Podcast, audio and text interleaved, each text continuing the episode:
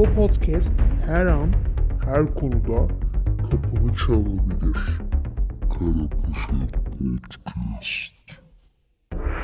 Kare Poşet Podcast'in yeni bölümünden herkese selamlar. Bugün birlikte banyo kültürünü konuşacağız. Geçmişte banyoya bakış açısı neydi? Şu anda biz banyoya nasıl bakıyoruz? Birlikte bunu konuşacağız ve çok şaşıracağınız bilgiler öğrenmiş olacaksınız. Hadi hazırsak başlayalım.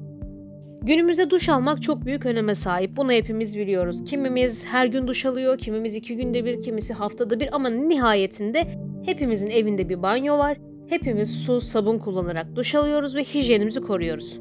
Ama yıllar önce duş almak kötü bir şeydi ve bazı bilim insanlarına göre, tabi o zamanın bilim insanlarına göre, din insanlarına göre duş almak hem sağlıksız bir şey hem de günah. Şu anda biz banyo kültürünün en yaygın olduğu dönemi yaşıyoruz. Ama geçmişte banyo yapmak, duş almak gerçekten de hoş görülmeyen bir eylemdi.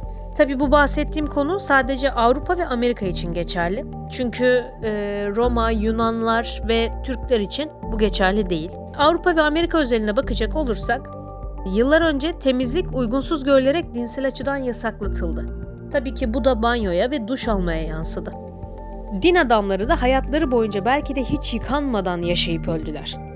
6. yüzyılda Aziz Benedikt yıkanmayan vücudun daha dindar olduğunu vurgularken Kastilya kraliçesi Isabel de yaşamında sadece iki kez banyo yapmakla övünen bir insan. Ve bu banyoda bir doğduğu zaman bir de öldüğü zaman gerçekleşiyor.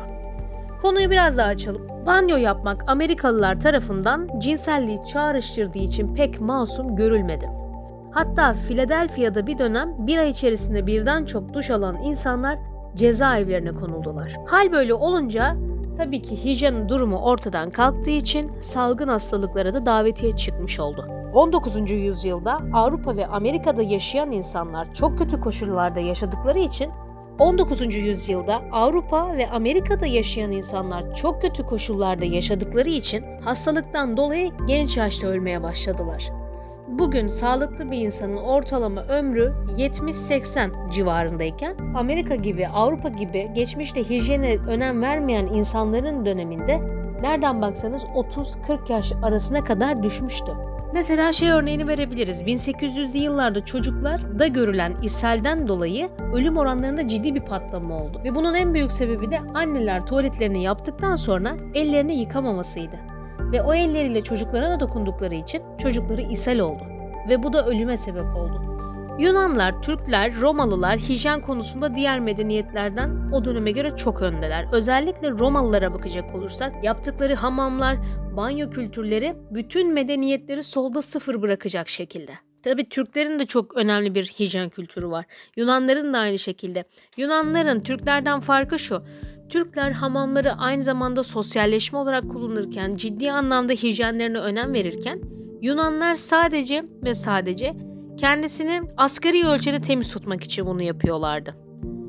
Mesela birçok gezginin kitabına bakacak olursak İstanbul'da yüzlerce hamamın olduğunu yazıyorlar ve bu dönemde kendi ülkelerinde bir hamam olmadığını, temizlik kültürünün yaygın olmadığını, yasak olduğunu söylüyorlar. Şimdi banyo kültürünün geçmişte kötü algılandığını, yasaklandığını, sağlıksız olduğunu öğrenmişken bir de koku kısmına gelelim istiyorum. Şimdi günümüze baktığımızda şu anki dönemde ter kokusu iğrenç bir şey olarak görülüyor. Aa sen ter kokuyorsan demek ki sen yeteri kadar hijyenine önem vermiyorsun, duş almıyorsun ve pissin mesajı veriyor. Ama geçmişe baktığımız zaman insanlar hem tenlerinin hem de terlerinin kokusundan keyif alıyorlar ve bunu bir çekicilik unsuru olarak görüyorlar. Mesela Napolyon'a bakalım. Bir sefere çıkıyor Napolyon ve seferden dönmek üzereyken karısı Josephine bir mesaj gönderiyor. Ve bu mesajda da diyor ki 3 hafta içinde evde olacağım sakın yıkanma. Bunun gibi daha birçok örnekte kokuyla ilgili tabii ki var. Hatta geçmişte kadınlar ve erkekler birbirlerine ter kokularından seçermiş ya da kadınlar ter kokularını bir beze silip sevdiği kişiye bunu verirmiş gibi şu an bize çok farklı hatta iğrenç gelebilen şeyler. O zaman için bir eş seçme e, ritüeli gibi yer tutuyormuş onların hayatlarında. Peki günümüze bakalım. Günümüzde doğal kokumuzu kapatmak için her şeyi yapıyoruz. Parfüm sıkıyoruz, deodorant sıkıyoruz, vücut spreyi sıkıyoruz, rolon kullanıyoruz, kokulu kremler sürüyoruz. Neredeyse her gün duş alıyoruz. Şampuanımız ayrı, saç kremimiz ayrı, vücudumuzun duş jeli ayrı.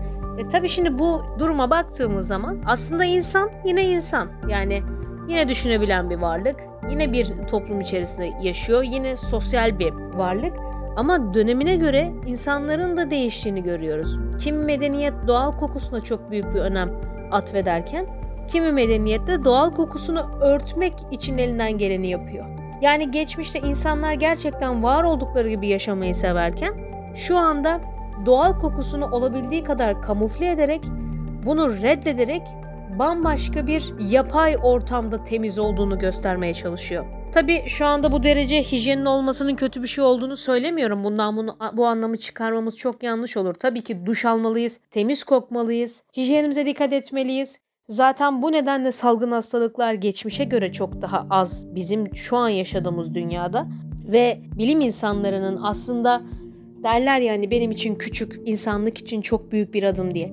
Aslında sabun insanlık için çok büyük bir adım.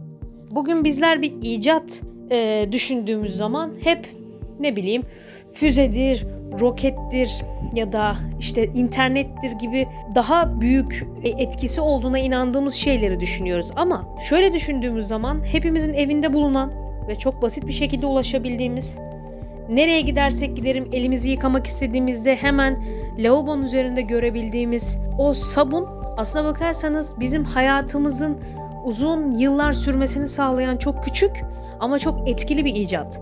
O mikropları uzaklaştırmasa bugünkü uzun yaşam 80 yıl ortalama olarak 80 yıl sürmez. 40 yıl sürerdi, 30 yıl sürerdi.